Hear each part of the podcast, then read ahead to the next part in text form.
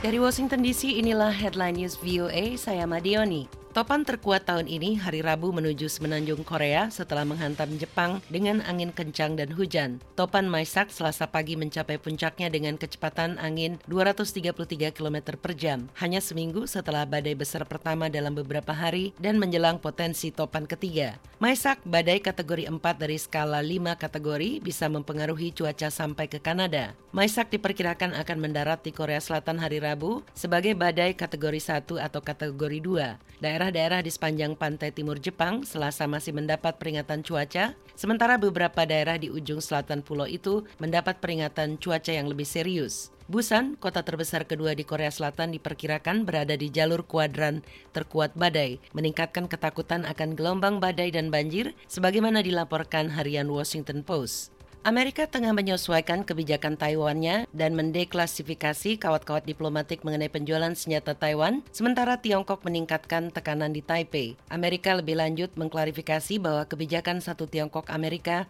berbeda dari kebijakan mengenai klaim kedaulatan Partai Komunis Tiongkok atas Taiwan. Seorang pejabat senior Departemen Luar Negeri hari Senin mengatakan langkah terbaru Amerika bukanlah penyimpangan kebijakan, tetapi bagian dari penyesuaian signifikan dalam batas-batas kebijakan satu Tiongkok yang yang sudah lama dianut Amerika. Amerika telah lama memiliki kebijakan satu Tiongkok. Ini berbeda dari prinsip satu Tiongkok Beijing, di mana Partai Komunis Tiongkok menegaskan kedaulatan atas Taiwan. Amerika tidak mengambil posisi terkait kedaulatan atas Taiwan, kata asisten Menteri Luar Negeri Amerika untuk urusan Asia Timur dan Pasifik, David Stilwell, dalam sambutan virtualnya kepada Heritage Foundation. Taiwan mengatakan akan terus memperkuat kemampuan pertahanannya, berterima kasih kepada Amerika atas komitmen tegasnya terhadap keamanan Taiwan. Di Beijing, pejabat Tiongkok mendesak Amerika untuk berhenti meningkatkan hubungan dengan Taiwan.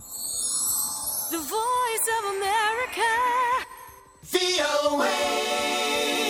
Menteri Keuangan Steve Mnuchin hari Selasa mengatakan putaran kedua bantuan besar-besaran untuk mengatasi dampak ekonomi dari pandemi virus corona masih diperlukan meskipun ekonomi Amerika menunjukkan tanda-tanda pemulihan. Kesaksian Mnuchin disampaikan ketika pembicaraan untuk bantuan putaran kedua masih macet di Capitol Hill atau Kongres sejak bantuan 600 dolar seminggu dalam bentuk tunjangan pengangguran federal untuk jutaan warga Amerika yang tidak bekerja berakhir pada akhir Juli. Anggota Kongres dari Partai Demokrat telah mengusulkan perpanjangan tunjangan tunjangan tersebut. Sementara Partai Republik mengajukan proposal yang akan membatasi tunjangan sebesar 70% dari penghasilan pekerja. Jumlah keseluruhan untuk putaran baru bantuan itu juga telah memecah anggota Kongres. Partai Demokrat mengusulkan bantuan sebanyak 3 triliun dolar, sementara Partai Republik meminta paket 1 triliun dolar. Partai Republik dan Partai Demokrat berbeda pendapat mengenai seberapa cepat warga Amerika harus kembali bekerja sambil menyeimbangkan masalah kesehatan serta penentu untuk mengukur pemulihan ekonomi Amerika.